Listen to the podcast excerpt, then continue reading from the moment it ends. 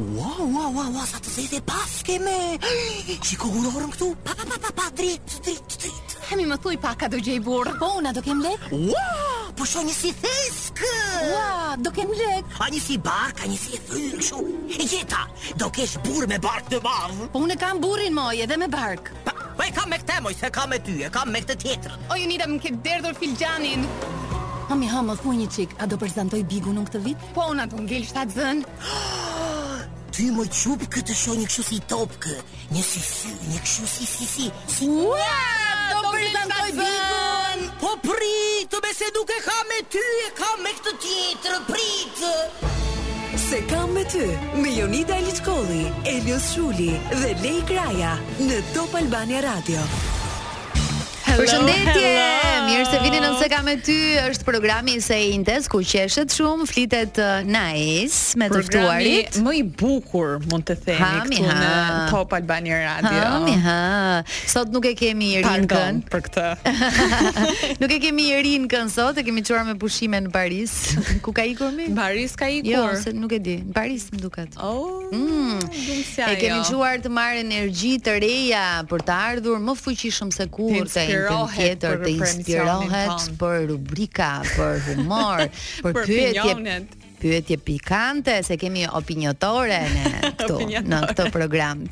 Uh, do të jemi bashkë deri në orën 20 për të transmetuar energji të mirë mbi të gjitha ç'pata unë mi pse u emocionova. Për Irinin pra, si Irini Gjithmonë na emocionon kështu. Kloi do të zgjedhë muzikën me ne sot dhe jo vetëm, na jep edhe suport nga kufja ose ka raste dhe na bërtet kur e ekzagjerojmë me kohën. por do të por do të jetë ajo që do të zgjedhë muzikën edhe një përshëndetje shumë e ngrohtë ju vjen të gjithëve në këto momente nga Justin Timberlake. Tek është rikthyer djali, fiksimi i të gjithave ne. Oh. Plus 35. Oh. Selfish vjen tani. Ja ku jemi bashkë uh, për t'ju rikujtuar se ky program përveç uh, humorit ka edhe dhurata, edhe sot dhurata. Dhurata do të ketë për ju, do të ketë uh, një dhuratë që ofrohet nga Organic Besmira, është farmacia organike që ndodhet në rrugën Myslim Shyri që ju dhuron një scalp test, një skin test dhe më pas produktet që do t'ju nevojiten për të gjitha problematikat tuaja të lëkurës në 069 20 47 299. Bëhuni pjesë e S'e kam me ty për të fituar dhuratat tuaja. Thjesht duhet të gjeni personazhin. Gjeni personazhin. Ti e gjen po dot? Po është kaq e thjeshtë?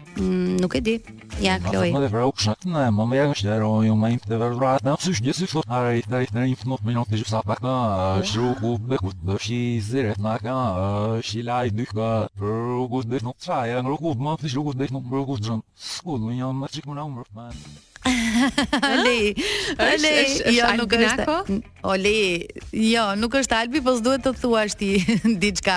Po ti, ti, ti nuk po përgjigjesh, un po të bëje me shenjë kështu. Po nuk... të thash jo, nuk është Albi Nako. Okej. Okay. Nuk ta kam treguar as ty që mos japësh ndihmë. Po pse? Ky ishte personazhi, e thash ky, pra keni një ndihmë, është djalë, nuk është vajzë. Dhe besoj është në Big Brother. nuk flas më 0692047299 është numri një herë është numri në të cilin duhet të bëheni pjesë për të fituar një skin test apo scalp test për çfarë keni nevojë dhe më pas të gjitha produktet e nevojshme nëse keni problematika të lëkurës tuaj qoftë me scalpin qoftë me fytyrën qoftë me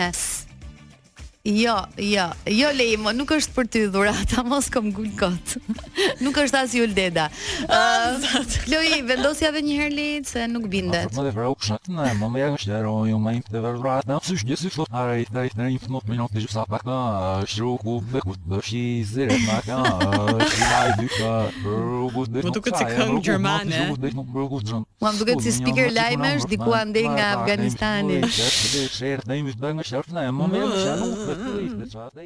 Okej. Unë nga që e di kush është, domethënë, më duket e lehtë. Po, s'ma ke thënë është hera pak pas taj. Ta them pastaj.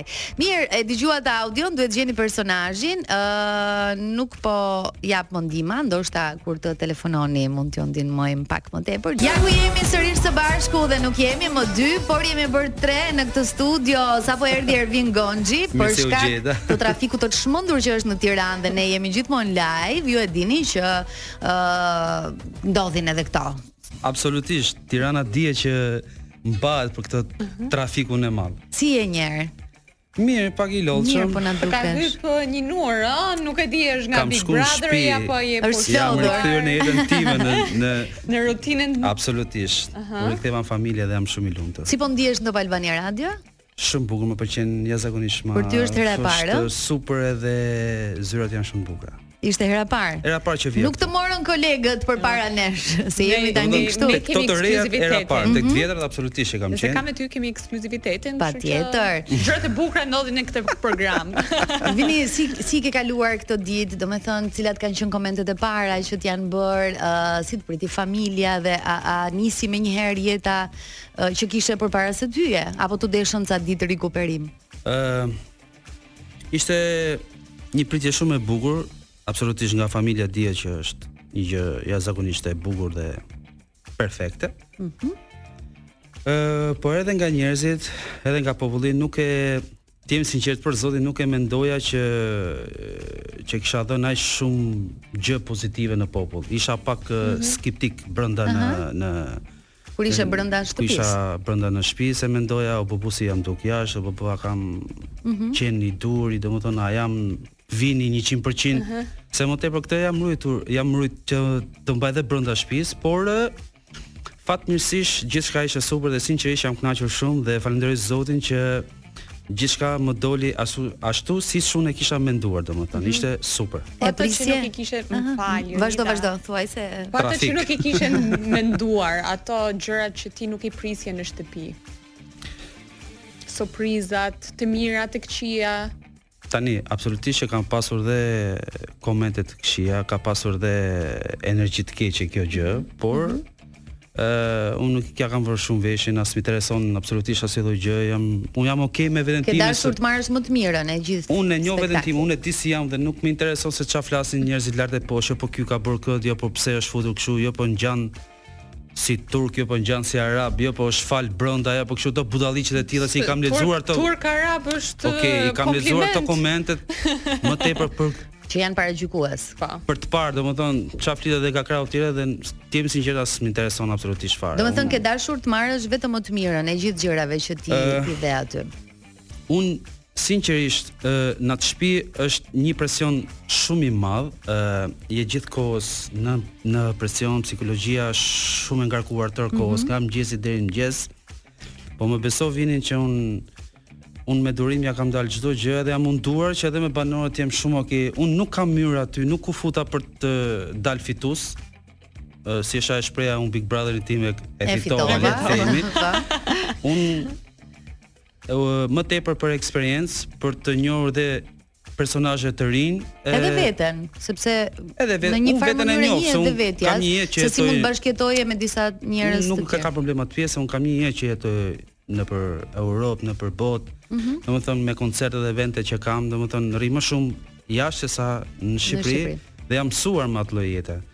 Por ë uh, uh, mua prap më ka bërë shumë mirë ajo Ato shtatëmbëdhjetë ditët që un kam jetuar aty, sinqerisht, ë ë pashë disa gjëra që sinqerisht aty i shikon, ndërsa mhm. jashtë nuk mundesh dot t'i shikosh. Aty harron shumë gjëra dhe fokusohesh në një gjë, e cila mua më dha një shtysë shumë të fortë dhe thoja me veten time që kur të dal nga kjo shtëpi, mm -hmm. dua të dal shumë faqebardhë dhe Po. me kokën lart, mm -hmm. nuk dua të dal në mënyrë të shëmtuar që mund të jetë një debat ose mund të jetë një një një gjë tjetër që s'du nuk kam qejf të vë epitete të tilla, por të lësh një imazh të mirë. Më mësoi një diçka shumë të mirë dhe un fatmirësisht jam duke e përdorur momentin që kam dalë nga shtëpia, e kam futur në funksion dhe më ka rezultuar shumë mirë ajo gjëja deri tani. Mhm. Çfarë mendon do të kishe bërë që të qëndroje më gjatë në atë shtëpi? Nuk doja të qëndroja më gjatë. Jo. Jo. Unë në një farë mënyre kam kërkuar dhe vetë të dilja, nuk doja të qëndroja, sinqerisht. Do të thënë kishe marr maksimumin e gjës që kërkoje ti. Do ta futë Ervini pse po. unë nuk doja të qëndroja aty, sinqerisht sepse për mua ishte një humbje kohë aty. Unë humbja shumë gjëra jashtë. Mhm. Mm Pun, koncertet, eventet, mm -hmm. studiot. humbja shumë lek. Tani me që jemi sinqert. Me që jemi te koncertet, mm. sapo dole ti, doli një poster. Eh, jo më larg se Na e shpjegon pak këtë po, gjën? Do ta shpjegoj edhe edhe, edhe faleminderit që më pyete për këtë gjën, se sinqerisht dua ta sqaroj edhe një herë mirë. Ë uh, Ai poster ka qenë pa plan. Mhm. Mm ë ku do të thotë që banda ime sado që un kam qenë brenda 17 ditë, ato vazhdonin eventet, koncertet ah, në, okay. në Europë. Por fotoja ime normalisht ishte në poster, sepse nuk mm -hmm. mund mhm. të ma ndanin dot nga grupi. Nga nga grupi. ë ajo ka ka qëlluar si situatë e tillë dhe ka ngjarë keq, po nuk është ashtu sepse unë me datën 3 shkurt ë ku çunat kanë qenë në Itali në në koncert. Ka qenë i njëjti poster. Për këtë poster po flasim. Mm -hmm. Un kam qenë në Big Brother në Prime. Mhm. Mm po pra, e ka qenë e njëjta foto, e po them, ndërkohë që, që ti ishe brenda. Kam qenë në Prime, nuk kam qenë në koncert. Dhe jo më larg se mbrëm, kam uh, uh, reklamuar uh, reklamën e re Posterin e ri që un jam këtë javë në koncert dhe shkruajta në status që këtë herë është e vërtetë që do jem në koncert, nuk është gënjeshtër domethënë. Por dihet njerëzit bën mirë që e po. sqaruam këtë, se filloi konfuzioni. Teori konspirative më sa. Filloi konfuzioni. Ideja është që e paska pasur fajin ai uh, ideali dizajneri, grafisti. Po sepse e ka marr foton gati me gjithë grupin. Ervini shet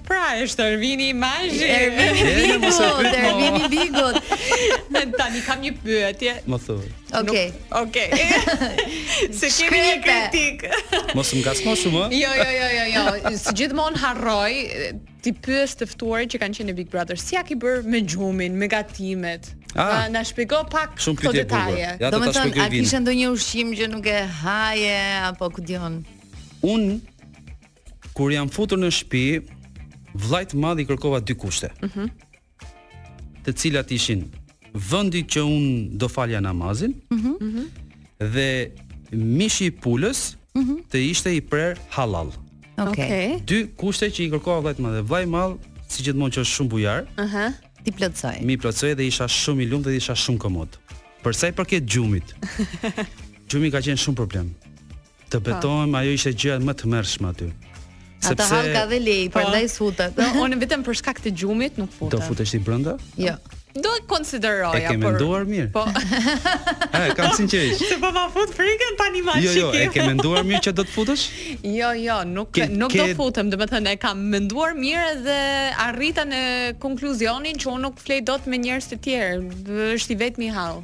Kështu duket, po aty në momentin që ti shtrihesh në krevatin tënd nuk ta harron se kë ke majtas djathtas përpara, mbrapa. Po, ti je lodhur gjithë kohës. Po kërhasin shumë apo? Sa të dush. Kush kërhet më shumë?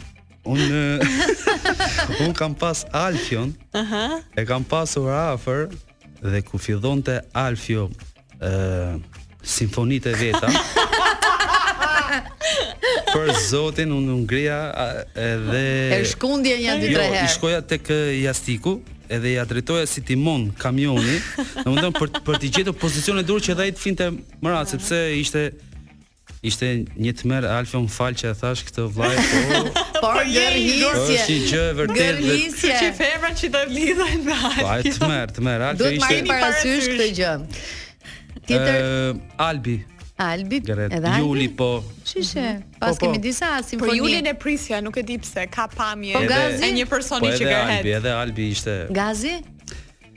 Gazi duket sikur kërhet. Gazin e kam pasur shumë larg. Po. Ah, okej, okej. nuk e ka dëgjuar. Flas në Gazi.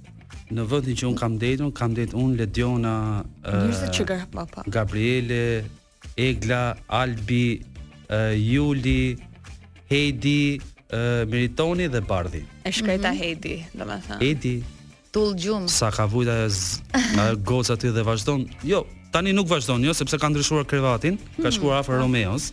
Çudi pra. Çudi pra. Çne. Çne. Duhet të ketë një rregull që gjithë këto që kanë simfoni të rrinë në një dhomë, një një zonë së bashku. Po ja që nuk e ja, që nuk është ashtu, nuk është aq e thjeshtë. Vini, kishte diçka që të nervozonte brenda shtëpisë. Pa gjumësia pra. Vetëm kjo.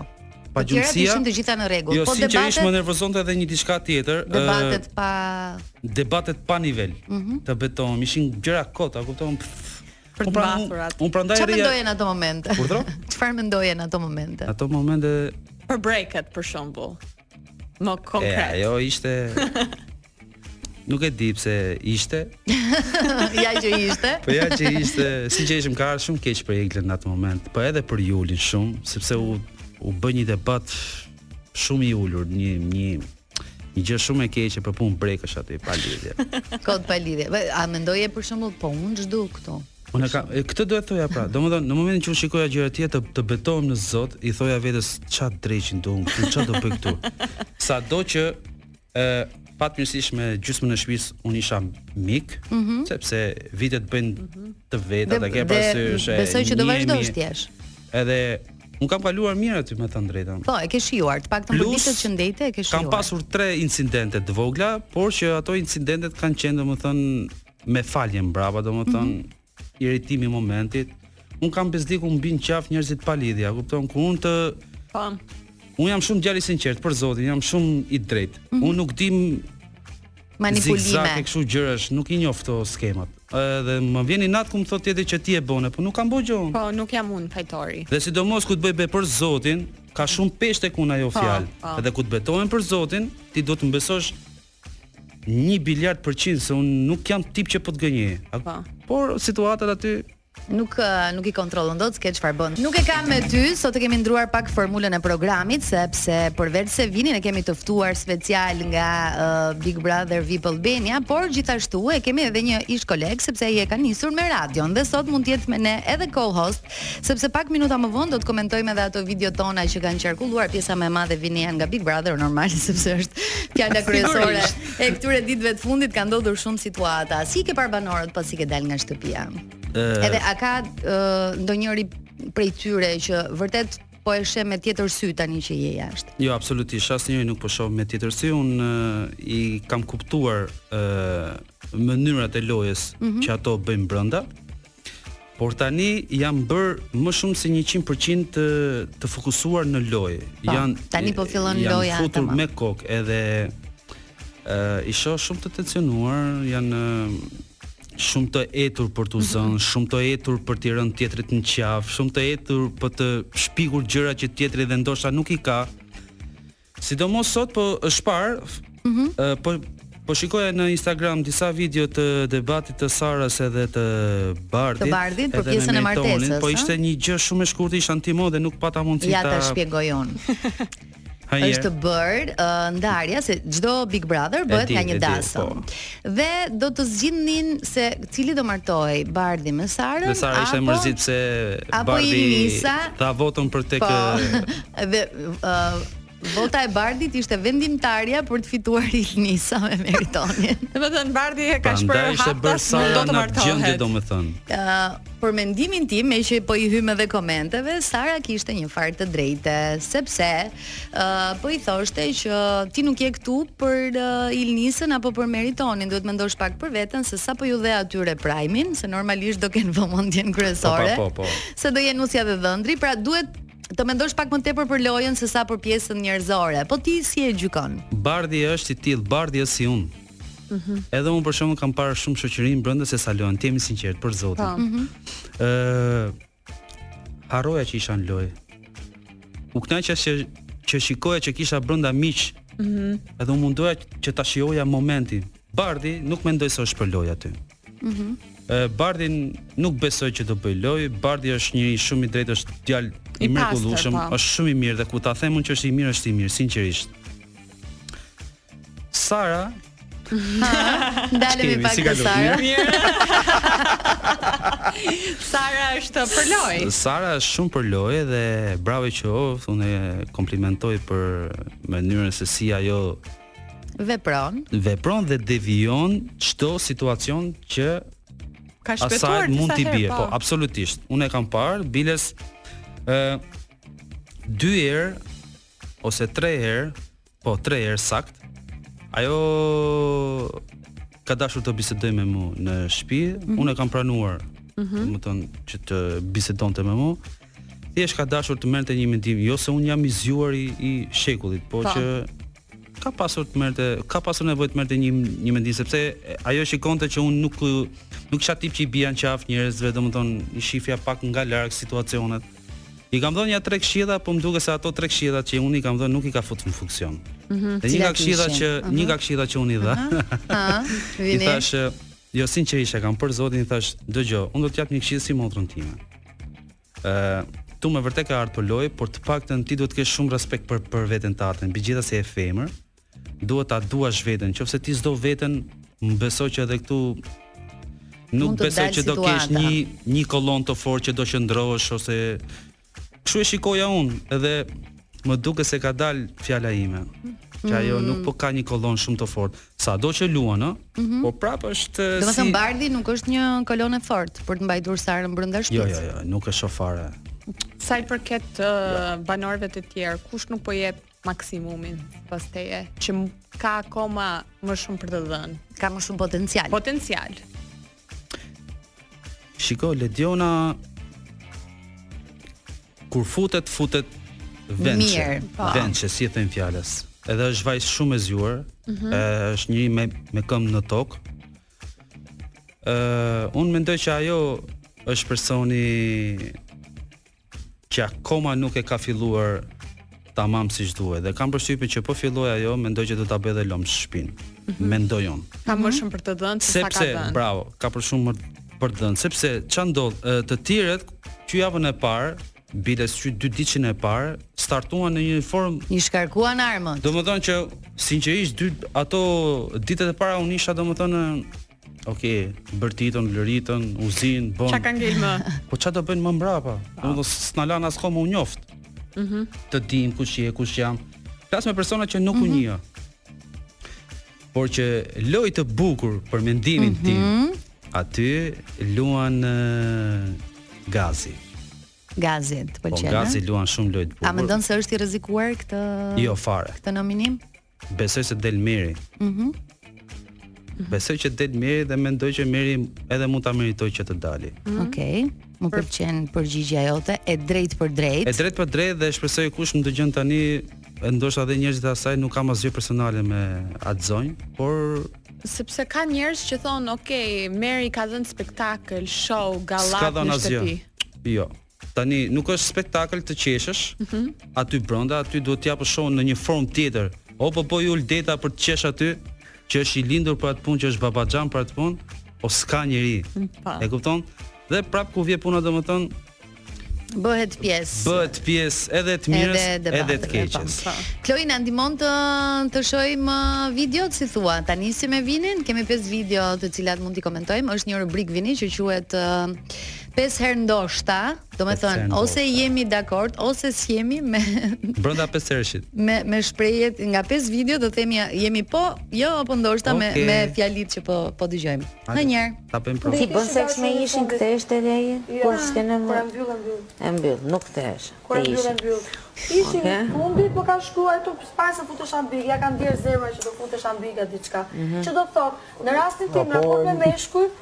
Po gjithmonë. A është qenia? Mbrapa.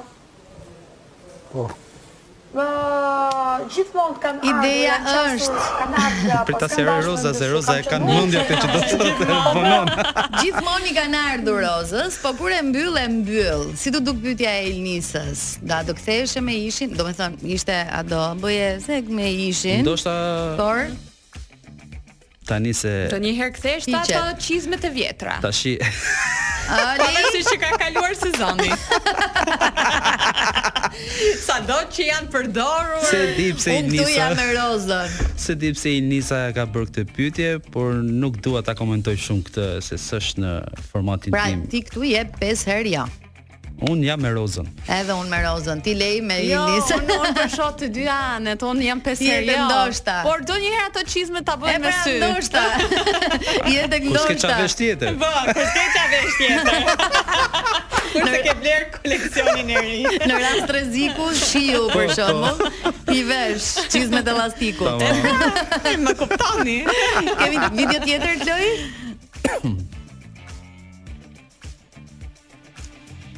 Bëhemi gati për uh, një tjetër video për ta komentuar. Gati, ti je rënë ajo plako.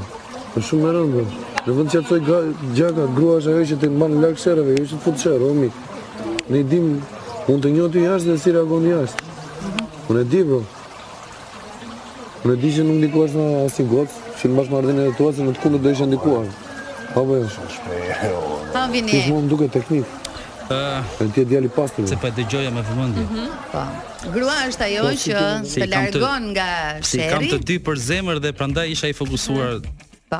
Kush ka të drejtë dhe kush Jo, ai ai thjesht po dëgjon të meritoni. Po Romeo po thotë që grua është ajo që të nxjerr nga sherri dhe nuk të shtyn për të bërë sherr. Unë jam me Romeon. Mhm. Mm Absolutisht, sepse në qoftë se një femër të të nxit që ti të futesh në strofullën e sherrit e debateve këtyre, çau pa, domethënë ti s'ma dashke të mirën, ti dashke të keqen që unë se del dhe ka vetje domethënë pra ti je natyra që nuk mund të ndikohesh uh, si thua jo, jo vetëm nga partnerja po edhe nga miqtë për t'u bërë pjesë e një debati nëse nuk nuk e ndjen veten që të mbash anë po tash i vetëm me qen budalla po tash i s'di ça them vetëm me qen budalla domethënë ti do japësh logjikën tënde do japësh komentin tënd mendimin tënd nuk ke pse të influencohesh nga të tjerët kur ti nuk e shikon që duhet të futesh në këtë debat. Mendimi im. Pra jemi 5 herë po për Romeo. Po Inisa si ju duket intrigante, si është Ilnisa në lojë? Ilnisa. Po. Tepër intrigante. Po. Ilnisa e kam pas që në klasë Prit, që në Keni qenë në shkollë? Po, që në klasë të 5. Mhm. Mm keni qenë në një klasë? Po, kemi marrë, kemi e kemi mbaruar liceun bashk. Mhm. Mm Edhe Ilnisa kështu ka qenë tip. Mm -hmm i fuste xixat. Po po, ti. Tip xixash, tip xixash Ilnisa. Megjithatë po luan. Le të jemi po realistë. Po luan, po luan, është po lojtar i mirë absolutisht, po un mendoj që Gazi luan më bukur se çdo njeri aty, se çdo banor. Më mhm. pastër thua ti. Gazi është shumë i logjikshëm në lojë. Ai, domethënë, un kam kuptuar Nuk hedh edhe në argument. Tani është mendimi im, ëh. Mhm. Ë, ai sa un kuptoj dhe marr vesh, më duket që Gazi e njeh mirë formatin e Big Brother. E ka studiuar tmerrësisht të mirë, e di hapa, di çdo gjë. Nuk hedh hapa të gabuara. Unë e kam parë në shtëpi. Në fakt e hodhi një hap të gabuar se përmendi nominimet. Ai ka pas një synim tjetër aty, po e hëngri vet. Mm, kështu që ai ka pas një synim tjetër aty se un e, i kam un I kam njohur, net po. aty në shtëpi dhe e di se si i shkojnë gjërat. Ai ka për për mendimin tim ai ka dashur të djeg një person tjetër. Mhm. Mm por që pa dashje i ngeli këtij. Ngeli me emra të tjerë Gazi. Po pra po, po. Me emrat në gojë. Nuk e kam me ty, po me ty e kam Vini. Duke qenë se je shumë i freskët nga shtëpia e Big Brother VIP Albania, ti thua që misionin e kreve, eksperiencën e more, e shijove si program tani mbrapa çfarë vjen? A ke ndonjë projekt ke fol me çuna, çfarë do ndryshojë sa i përket karrierës tënde? Tani Ëh, po merrem me produksionet e reja, biles sot kam qenë gjithë ditën në studio duke punuar. Kam uh, punuar këngën që kam kompozuar me Romeon brenda këngën e nënës. Shi. Po. Ah, sa qejf. Biles nja një sekund. Ah, do kemi një preview. Do sa ta vej pak shumë. Pak.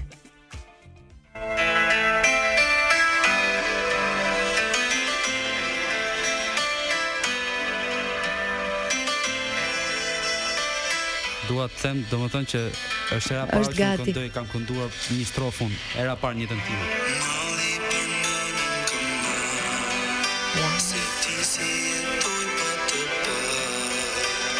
Kjo zërin. Hera e parë që këndon Vingonci. Tani futet me e, Romeo me gocat. Ah, sa e bukur. Po këtë vokalin unë e kam marrë nga nga audio nga brenda në shtëpi po. Nga YouTube e kam shkarkuar. Mm -hmm. Dhe jam munduar që ta ta përshtasësh. Ua, sa bukur. Këtu jam Vini për 100%. Aty sta heq njëri meriton.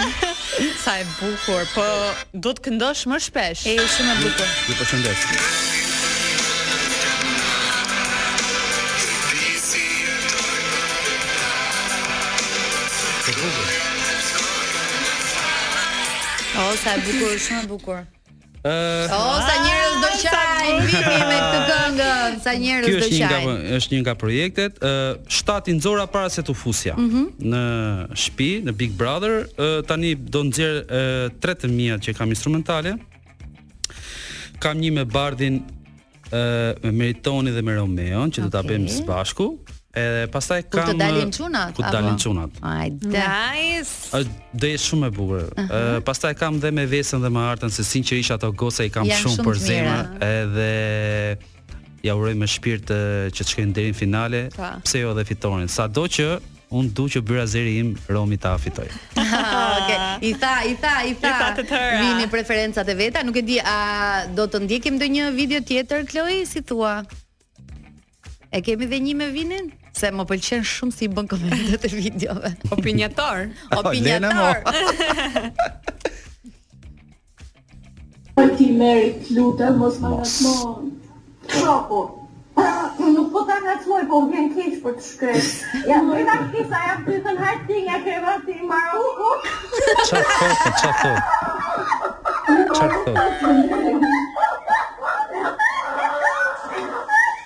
Pastioni.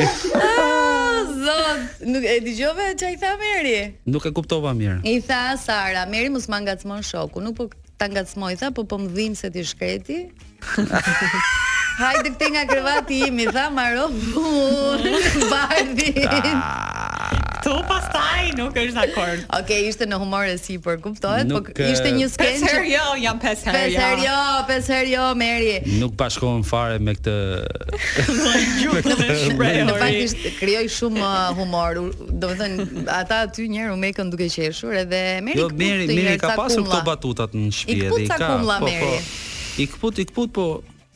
Më duket se janë të qëllimshëm. nuk, nuk ishte kënaqur me nominimin e javës. Si është ajo zinxhirin? E, vër, e vërteta thuhet ndonjëherë dhe me humor? Absolutisht. absolutisht, absolutisht. Ishte mërzit me këtë këtë po, herë për zinxhirin. Si e pe zinxhirin Vini? Domethënë e prisje të ishin ato lloj shpëtimesh apo? Po, po, po. Pak a shumë po. Pak a shumë po, sepse duke ditur se si shkuan në në në prime dhe se si shkoi dhe situata, mm -hmm Ë tek Rikja isha në dy mendje thash nuk ka për ta çuar tek Roza. Mendoj se do ta çonte tek Romeo. Po. Por ajo bëri një një lëvizje shumë të zgjuar. Një Rikja shumë e zgjuar si vajzë. Sepse kam përshtypjen që po të shpëtonte Meritonin, e dinte që Meritoni do shpëtonte Ilnisën. Absolutisht, edhe shkoshin gjërat ndryshe. Kështu që dë, dy të fundit ngelën ata. Domethënë qëllimi i banorëve ka qenë për tek ata, absolutisht. Ëh, Nuk është puna se kanë marrëdhënia shumë të mira banorët si me mhm. Ilnisën edhe si me Merin. Sado që Merit ia mhm. majn anën në shenjë respekti për një gjë tjetër, por ë sa ajo nuk e pranonte për çështje moshe. Okej. Okay. Por si Gazit edhe si Merit, domethënë, un personalisht gjithmonë kam pasur një qëndrim akoma dhe më të mm -hmm. më të saktë le të them ndaj atyre për për çështje moshe se normale nuk Në shenjë respekti patjetër që po. Absolutisht. Ku do tregohemi që jemi qytetarë pastaj. Po. Ëh. Më më pëlqen shumë që sapo ke dalë nuk ke humbur kohë, ke filluar të merresh me muzikë, atë që të të jep jetë siç e thua ti. Le të marr dhe juve në studio. Po, po. A keni a keni ka fiksuar do të këndosh. Po, dua të këndoj. Lei ka fiksim. Ka kur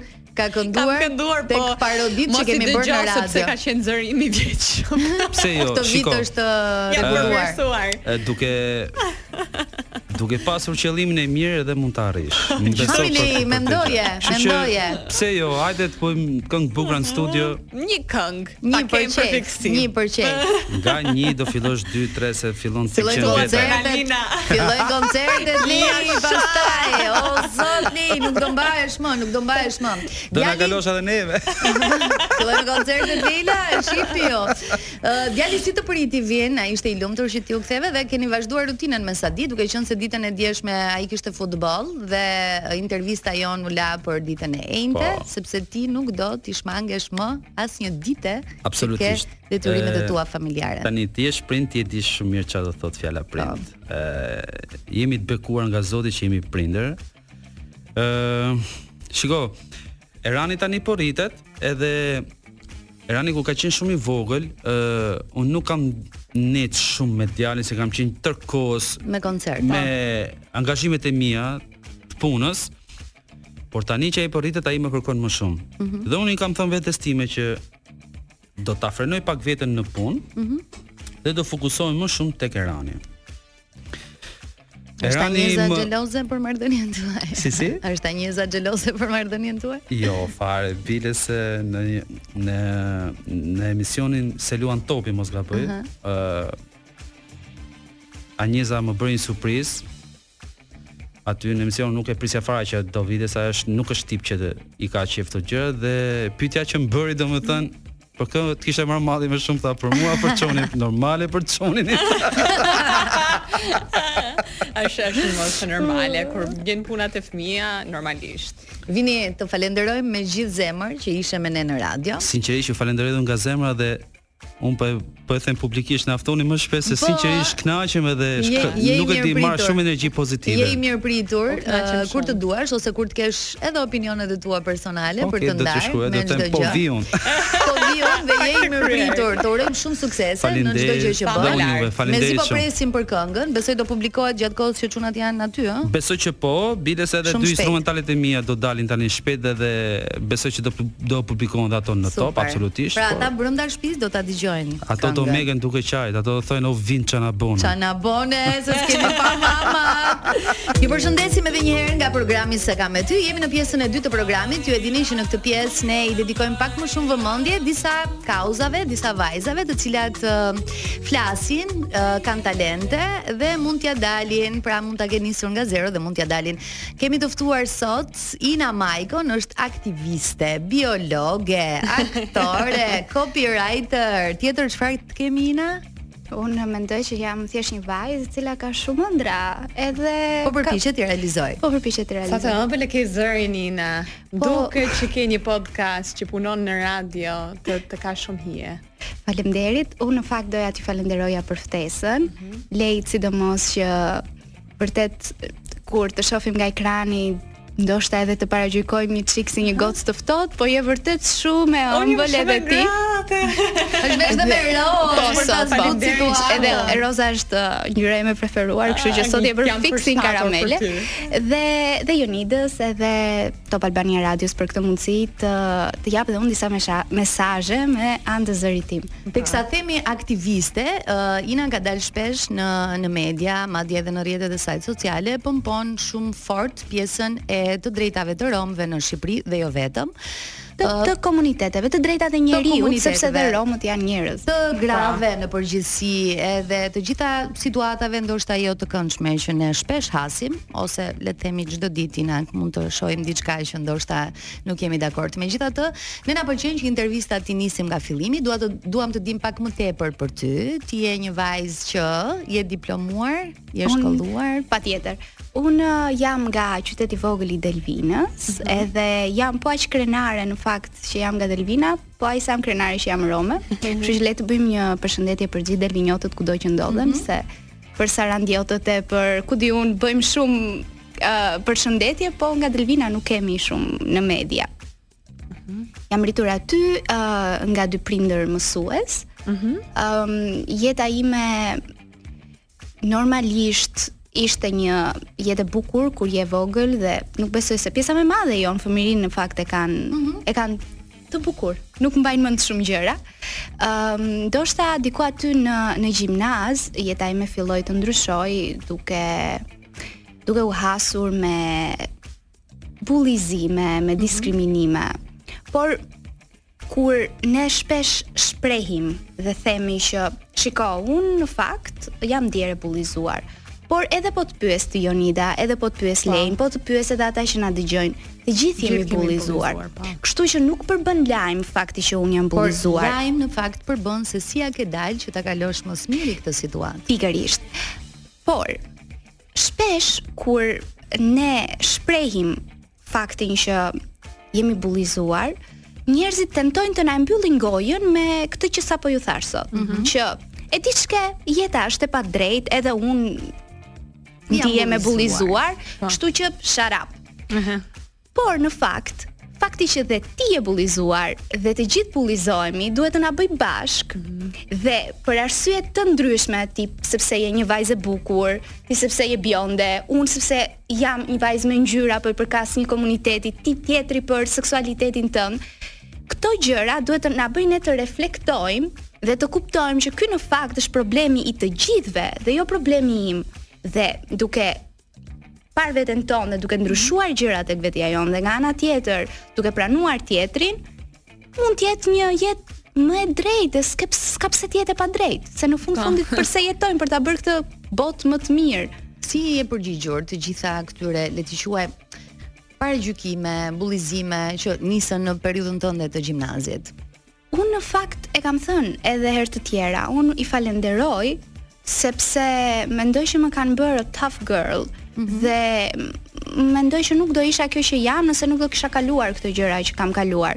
Dhe mesazhi im për të gjithë uh, dëgjuesit që po kalojnë jo vetëm dëgjuesve romë, por dëgjuesve që ndihen të bullizuar për po. një X gjë që mund të jetë një budallik, ta marrin këtë gjë si si forcë, mos t'i preki, Dhe të vazhdojnë ato gjërat që kanë në mendjen e tyre, sepse nëse një person të thotë nuk je i bukur apo ti je me ngjyrë, sot atë atë gjë neve duhet ta marrim, ta kthejmë në forcën tonë më të madhe. Mm -hmm. Prandaj dhe unë në fakt kam uh, bërë një podcast okay. ku quhet Romët Krenarë dhe ka në thelb pikërisht këtë gjë ndryshimin e narrativës nga ajo e viktimës ku ne themi o bo bo jemi të bullizuar, o bo bo nuk kemi këtë, o bo bo nuk kemi atë, mm -hmm. në një në një narrativ të një survivori, të një të mbijetuari, ne i kemi mbijetuar të gjitha këto ë uh, uh, të padrejta që na janë bërë dhe ia kemi dalë.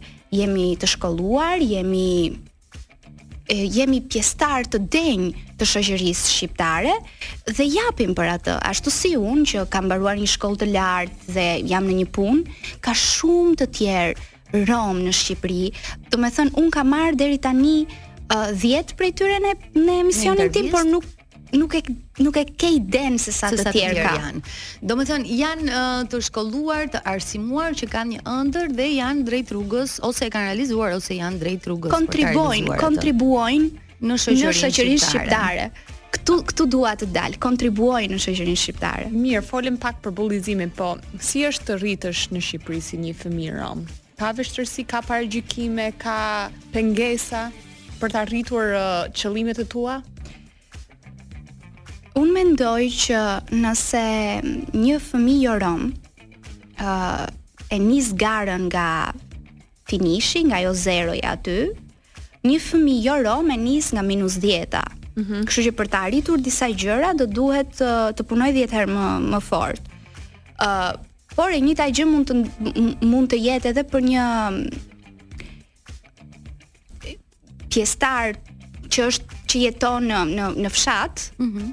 Po, edhe pra, ai e ka të bëjë nuk ka të bëjë me etninë në një farë mënyre sepse neve specifikohemi dhe bullizohemi dhe vihemi në pah ndahem nga ajo qesja e madhe e shqiptarëve le të themi, se dua ta theksoj që unë ndihem po aq krenare po. ë uh, uh, që jam rome absolutisht edhe që jam shqiptare. ë uh, por ndahem nga ajo qesja sepse unë i përkas këtij komuniteti dhe në një farë mënyre bullizimi, diskriminimi vjen nga etnia ime. Mm -hmm. Dhe dhe kjo në vetvete krijon një një lloj dallimi.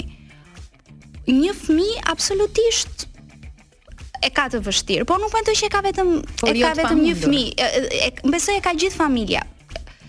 Raporti i fundit i Bashkimit Evropian ka nxjerrë që ak vazhdon akoma një lloj diskriminimi dhe institucional deri diku po unë nuk dua ta bëj kaq të rëndë dramatike dhe kaq dramatike sepse sot do ta mbaj episodin pak më më pak më të këndshme jo po është e rëndësishme edhe të flasim për këto statistikat për këto detajet Pra, pra nuk dua ta çoj po. deri në atë pikë, po. ndoshta ndoshta mendoj që ky stil është pak më shumë për sukseset. Do flasim po, do flasim më shumë për sukseset, por duke duke thënë këtu. Um, neve kemi një eksperiment social që ne e shohim mm -hmm. sot në në televizionin ton, mm -hmm.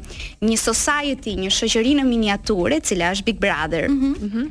Të gjithë e shohim dhe aty dhe aty ne shohim një lloj diskriminimi Pamë një një një sekuencë diskriminimi kundrejt komunitetit rom. E lamë Jonida, ku e lamë, e lamë tek pjesa e diskriminimit. Ka pas ka ndodhur një episod, një episod, unë nuk e kam parë, me thënë të drejtën. Edhe me Ina me sa duket s'e ka parë. Unë kam diskutuar me Inën, kështu që po ja lej Inës uh, në cilin, topin, në po cilin moment ka ndodhur me Gazin ka qenë. Po, me Gazin. Um, të them të drejtën, edhe unë nuk e kam mundësinë ta shoh 24-24, mm -hmm. por um, sh shyqyr Zotit rrjetet sociale tashmë na, na bëjnë të jemi te shpia e Big po. Brotherit 24 në 24. Um, në një nga videot në rrjetet sociale ishte Gazi i cili u shpreh, mendoj për Riken, nuk jam shumë e sigurt, kur ajo po këndonte me pjesëtarë të tjerë, uh, aty banorë dhe tha unë nuk dua ta përmend se nuk e kam qejf ta përmend por do ta përmend thjesht për faktin për ta treguar ai u shpreh dhe tha po vdiska kjo si gabele si ka gja gabele i pëlqen të kërcejë diçka e tillë të kërcejë dhe të këndojë të kërcejë dhe të këndojë tani e ka lidhur me e ka lidhur me pjesën që uh, me sa duket uh, komuniteti rom por jo vetëm kanë dëshirë dhe janë, domethënë le ta themi hapur zemër që jemi shumë dashamirës ndaj uh, muzikës, ndaj kërcimit. Të njëjtën edhe... gjë thotë edhe një gjerman kur vjen në Ballkan dhe shikon shpirtin tonë. Pa. Po. Nuk mendoj ba, që kjo gjak Ballkani. I, gjak Ballkani, pikërisht, pa. Po. por nuk ka shumë problematika kjo ë uh, shprehje. Ajo shprehje aty. Po. Në radhë të parë, uh, ne kemi emrin Rom. Mhm. Nuk e kemi emrin Gabel apo çfarëdo lloj epiteti tjetër me konotacion negativ që shqiptarët apo shoqëria shqiptare na ka vendosur mm -hmm. prej mhm. vitesh.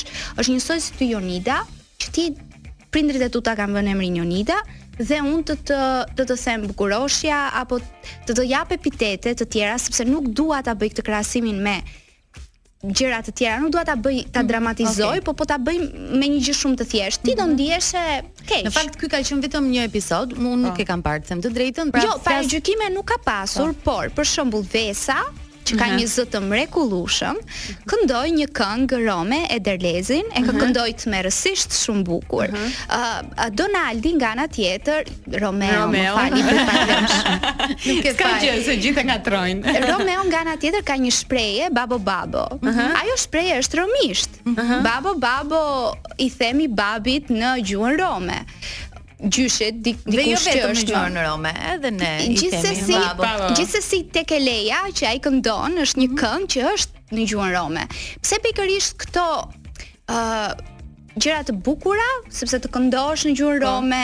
Po, është transmetuar ajo ka dalë, po. është video shumë është, shumë e këndshme. Është video shumë e këndshme. Gjithsesi në komentet nuk po e shikoja, domethënë një një lloj recognition, po, as po, ta po, mora po, po, ti ke ti ke jetuar në Amerikë, po, recognition, po. Të drejtat e autorit jo, në po. Jo, recognition është një Ah, tani nuk më vjen, As por mua s'më vjen. mendoj Ha, që jemi dhe në- njohje, njohje. njohje, një mirënjohje, Mirënjohje. ë, Meritet. të, një merit, Po. e, Merit. për për komunitetin nuk ë, nuk u pa. Nuk është se duam të thash dhe një herë, ë, nuk është se duam to invade. Wow, Lej, ça Po. pata sot. Po, po kam përshtypjen që ta shpjegoj situatën duke qenë se kam provuar Big Brotherin, ti bën një gjest këndon një këngë, mund të thuash një frazë ndoshta dhe pa e menduar se si do transmetohet, sepse aty uh, në një moment caktuar ti je siç jemi ne tani të treja dhe po bëjmë një bisedë. Edhe fakti që është kënduar dhe Vesa ka zgjedhur këtë këngë është Jo, unë këtë gjë e thash për diçka pozitive. Është është shumë shumë e bukur si gjë. Plus ajo është një nga këngët më të bukura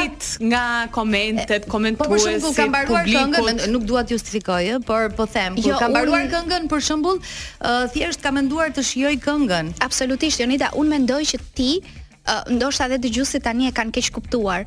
Unë si shprehjen e Romeos, si këngën e Vesës, e mora si diçka pozitive brenda mm -hmm në uh, Big Brother. Nuk e mora si diçka, po. diçka jo, jo, negative. Jo, për atë po flasim, që ishte e bukur. Për më tepër, uh, atë Në atë mini miniaturë të shoqërisë shqiptare, tregova që edhe në atë në miniaturën e vogël, kultura rome është pjesë. Është po pjesë. Edhe, po. po. Edhe prandaj po them që në një farë mënyre ne bëjmë uh, kulturën shqiptare më të pasur.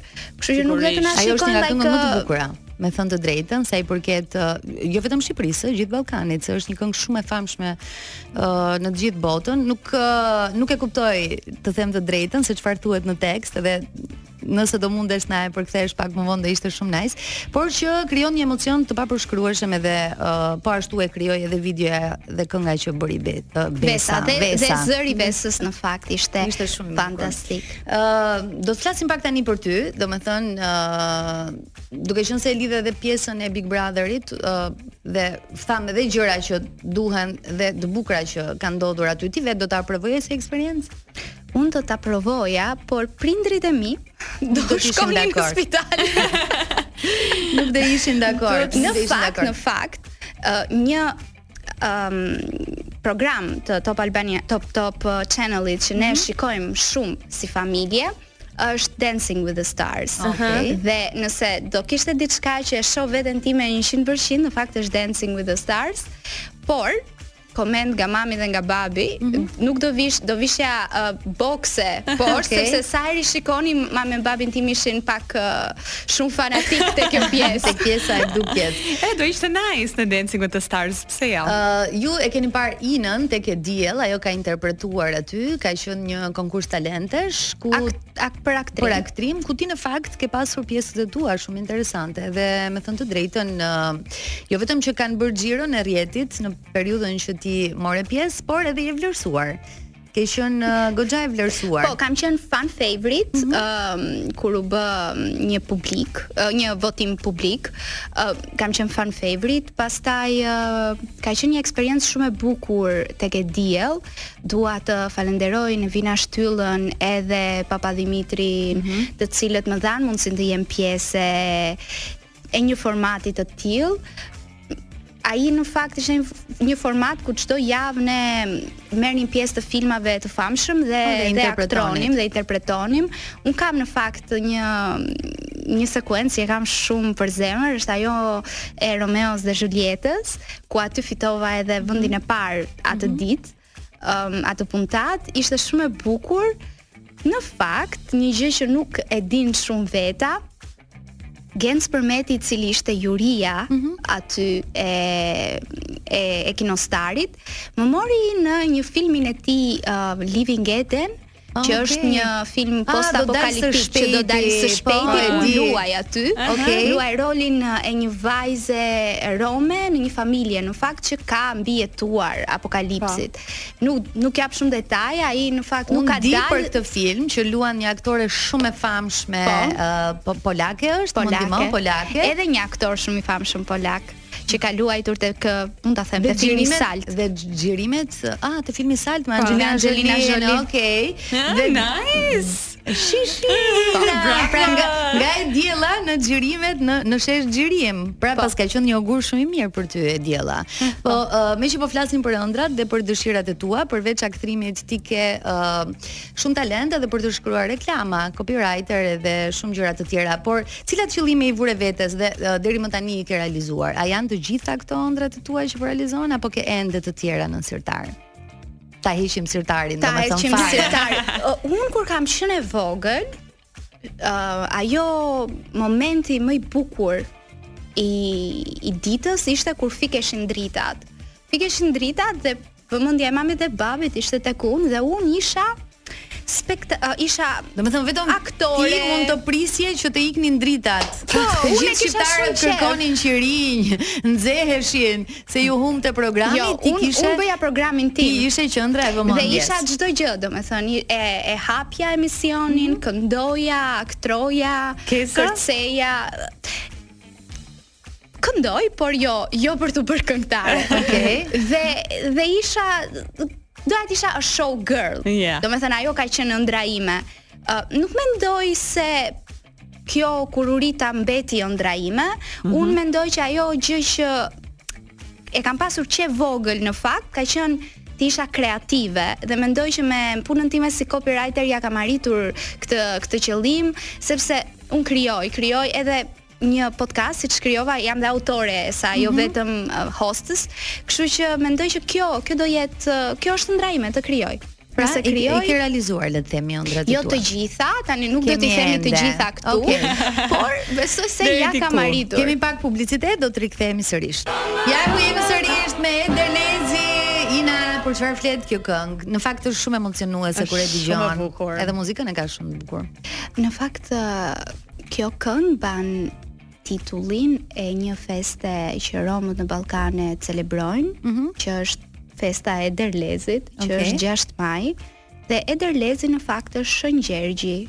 Mm -hmm. um, edhe në nuk e di a është pagane apo është një shenjt që quhet Gjergji. Okay. Ideja është që duke qenë se romët janë afër të korrurave dhe në mm -hmm. përgjithësisht në atë periudhë në 6 maj mbillet për të okay. të ecur mbarë, ti celebron këtë gjë, ti celebron ëm um, Shën Gjergjin mm -hmm. dhe në një farë mënyre të të të të, të të të jetë pjellore, mm -hmm. të jesh të jesh pjellore. Pra i këndohet jetës, pjellorisë, të ardhurave, është është mhm. shumë shumë e bukur. Dhe tregon nice. që edhe pse ne jemi larg, domethënë sa Roma, hajdeni mblidhemi këtu dhe dhe edhe pse kemi kaluar vështirësi, do ia dalim mbanë. Në fakt flet edhe për këtë gjë. Mm -hmm. Për mbijetesën, është shumë motivuese. Ëm, uh, Vazhdo. stereotipet, doja të flisja për stereotipet që t'acarojnë më së shumti sa i përket romëve. Dëgjo, stereotipet që ka për romët janë aq të vjetra, pa. Po. saqë kanë filluar tashmë mos të më bëjnë më përshtypje dhe në fakt njerëzve që Ë duan të më bëjnë komente raciste po. poshtë fotove uh -huh. apo në mesazhe. Uh mhm. -huh. Do ju lutesha të kishin pak kreativitet në ato gjëra që shkruajnë. Cilat janë thonë për shkak që dhe këto po ja thot po ju kam jetuar një copywriter. Po, bëhuni pak më kreativ. Bëhuni çik më kreativ kur shani që edhe unë të kem pak emocion kur e lexoj, se kur lexon po të njëjtat gjëra të tipit. Për shembull një gjë. Po Në radhë të parë kemi hiperseksualizimin e gruas rome. Mm -hmm. Neve vetëm kërcejmë, vetëm këndojmë, jemi shumë qeflije, në mm -hmm. thonjza, që nuk është e vërtetë. Ne unë mendoj që uh, gratë rome janë po të njëjta si gratë shqiptare, ja po të më shofësh mua me juve tani, nuk është se kemi ndonjë dallim përveç ngjyrës së lëkurës, pak të errët, që dhe kjo ekziston dhe ne paguajm për ta patur. Për, për ta patur si ti. Uh, po, nuk e di domethën. Ka pasur komente që më kanë dëgjuar uh, në podcastin tim dhe thonë Ua më ka bërë shumë përshtypje si një vajzë rome flet kaq mirë Pse mos të flasim, gjuha ime e parë është gjuha shqipe Atë kam mësuar, me, me atë jam rritur Kështu që pse mos të di ta flas mirë Ëm, nuk e di. janë dhe janë këto sharjet po, po qasjet me djem po shqiptar që nuk po i përmend. Si i ke pasur, janë hmm, racist. Lej, lej më ngacmo lej. Pse s'është ngacmua se është një jo, kuriozitet që kam. Më pëlqen po. si pyetje. Aha. Por uh, le të themi që nuk kanë qenë aq të lehta. Mhm. Unë personalisht nuk mund të flas dot për uh, veten time.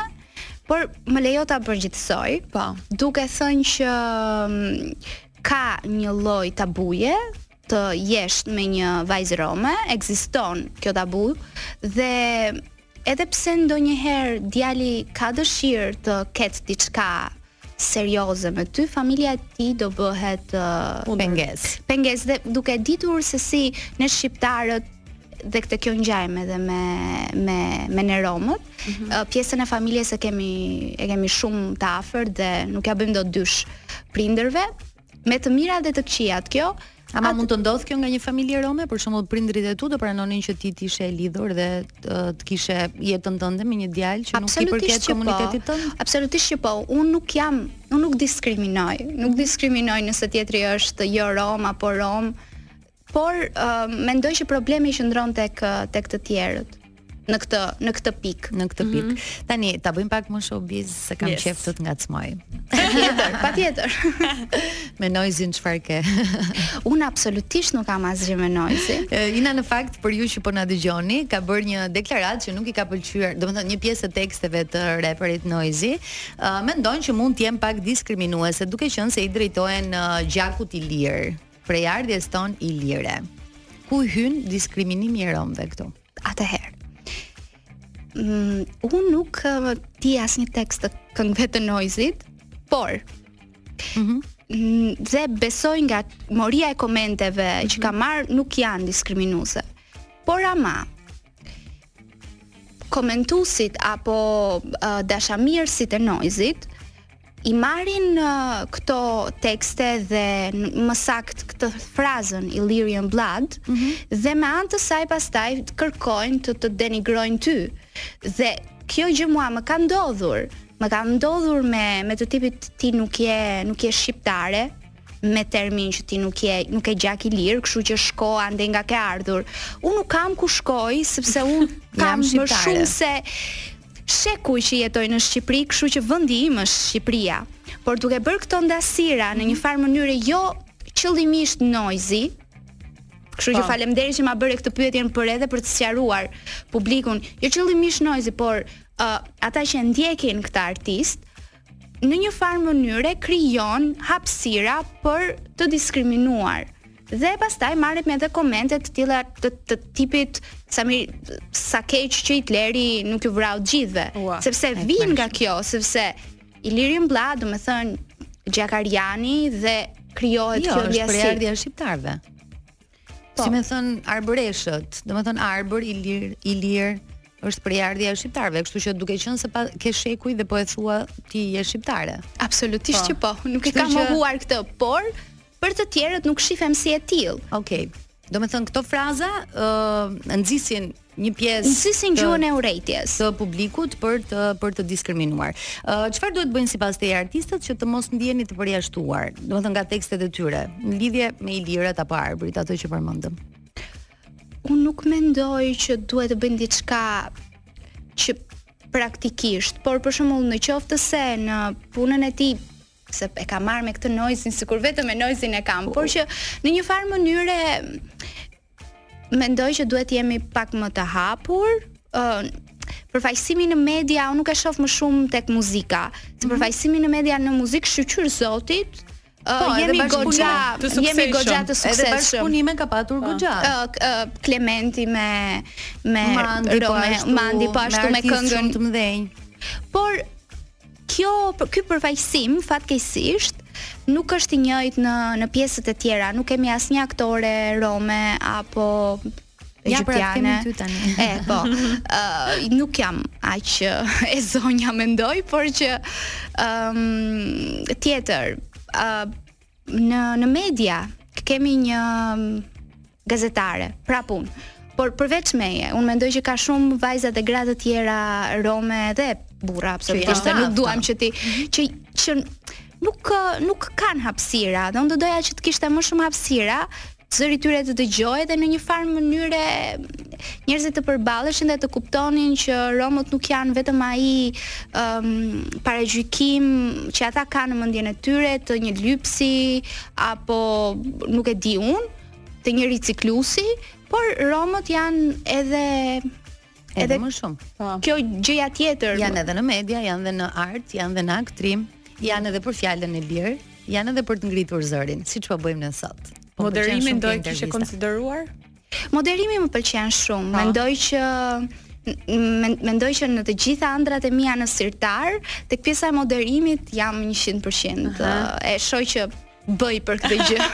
Të ka ndodhur që uh, Ina të ka ndodhur që për shkak uh, se uh, je rome, mund të kesh humbur një pozicion të mirë pune, uh, mund të kesh humbur ndoshta një rol. Uh, Okej, okay, Genc Përmeti ta ka ofruar pas uh, pas spektaklit tek E Diell sepse ka parë edhe talentin tënd aty. Por e ke ndjerë në ndonjë hap të jetës apo në ndonjë derë që ke trokitur që mund të kesh humbur diçka vetëm për faktin që je rome? Në një farë mënyre mendoj se se po, jam marrë në punë në fakt vetëm se kam qenë rome në një organizatë uh, jo rome e cila i duhej të uh, plotësonte këtë kusht për të marrë një fond mm -hmm. dhe aty kam qenë e lënë mënjanë, le të themi, me plot gojë, mund ta themi. Ëm um, dhe zëri im nuk dëgjohej, injorohej. Absolutisht nuk nuk zgjati shumë kjo punë. Në krye të 3 muajve dhashë dorëheqjen dhe ika në një pozicion tjetër pune. Ëm um, kam përshtypjen që njerëzit kishin sjellje të çuditshme Unë sapo isha kthyer në fakt nga studimet e mia në Hungari, mm -hmm. uh, nga masteri dhe nuk e di përse kisha isha pak më e çlirët, njerëzit andej qeshin më shumë, janë mhm. më të çiltër, nuk e di. Më të afrueshëm. Më, jo, jo, no, no, domosdoshmërisht më të afrueshëm, por por nuk kanë këto barrierat që deri diku tani ia kam vendosur pak vetes time se shoqëria shqiptare t'i po. t'i pompon që po. ti duhet t'i bësh dhe nuk e di, në një farë mënyre aty u bë diçka, ca thashetheme, ca gjëra që më në një farë mënyre më prekën integritetin tim dhe vendosa dhe aty të ikja. Dhe ajo që është hipokrizi, është se këto të dyja vendet kanë qenë organizata jo rome që punojnë për komunitetet e të drejtat e njeriut, ndërkohë diçka e tillë nuk më ka ndodhur asnjëherë në korporata apo biznese jashtë jashtë këtij profili dhe është në fakt për t'u çuditur edhe është një pak një kambanë alarmi se si uh, kemi aty jashtë njerëz që punojnë për të drejtat e njeriut dhe në vetvete diskriminojnë. Okej. Okay. U bë shumë interesante situata. Ja ku jemi sërish së bashku dhe na është bashkuar edhe Elona Duro. Yes, jemi katër tani. Ej, po ju dëgjoja nga shtëpia deri këtu, mm -hmm. edhe isha shumë kurioze të njihja Inën nga afër. Më fal se nuk të kam parë më përpara, po zëri yt në radio, edhe intervista ishte aq e këndshme sa që Sinqerisht mezi po prisa të vija dhe të të njihja nga afër dhe komplimenta. Shumë shumë faleminderit. për si dukesh dhe për çfarë thua. Faleminderit. Tomina. Po ja, kur marr kështu në fakt komente pozitive, ndihem sikur i marr gjithmonë për herë të parë dhe më bëhet zëmra mal. Dhe dhe i fshim ato negative. E di se nuk ka sikur sapo kishte gdhirë dita me diell, edhe mm. e them me shumë sinqeritet këtë. Më ka shijuar shumë intervista juaj nga shtëpia deri këtu. Shumë faleminderit Elona. Elona do bëhet gati pas pak të fillojë Big Brother Radio, prandaj na është bashkuar në studio. Mm. Dhe ne jemi drejt fundit të kësaj interviste. Ina, do doja të të pyesja nëse ke diçka tjetër për uh, për të thënë, nëse ke ndonjë projekt tëndin apo diçka që do ta ndash me ne. Unë në fakt jam duke përfunduar Romët Krenarë, uh, që është një podcast. Një podcast i dedikuar. Po. Nuk është se kam në në plan diçka konkret, ajo çka dua është që ta bëj Romët Krenarë ta zhvilloj më shumë, ta bëj mm -hmm. një mhm. platformë ku të je, të ketë një podcast dhe vizual siç e keni juve, janë mm -hmm. një studio kaq të bukur siç e keni ju, pse jo mos të mos ta mos ta kem dhe unë në fakt e kam menduar që mos ta bëj në një studio brenda një gotine, por ta bëj um, në një lagje rome diku aty në asfalt, mm -hmm. sepse në fakt uh, ne si komunitet duke qenë se jetojmë uh, shumë veta në një shtëpi, Në fakt ai salloni jonë ose në fakt jemi për të patur zili, unë kam patur mundësi të kaloj një mëngjes, kam bërë kështu mëngjesore në një shtëpi tuajën para shumë vitesh në Wake Up dhe ishte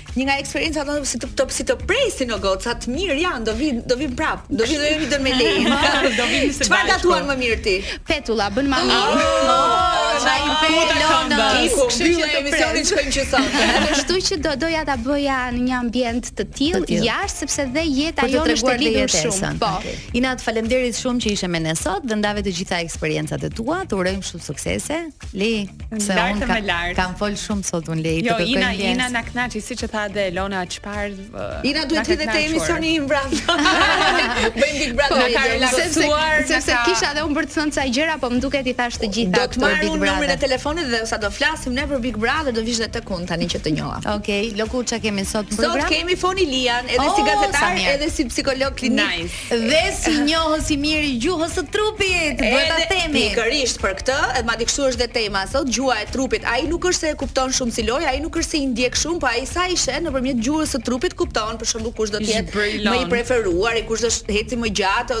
Me Fonin unë sot kam një bisedë që Nuk e kam realizuar ndonjëherë, po them se do na shkojë mirë. Okej, okay, mm. shumë shumë mirë. Mezi po presim dhe unë rrugën time për në shtëpi e bëj me programin e Elonës. Siç e bën Elona me Tonin për programin e Elonës. Kur vjen në radio. Pra, Ina faleminderit pra. edhe një herë. Jemi në fund të se kam me ty. Leila më do apo më le? Të dua shumë. Të dua shumë, do shihemi javën tjetër. Faleminderit Kloi për muzikën, ju përshëndesim me Gold.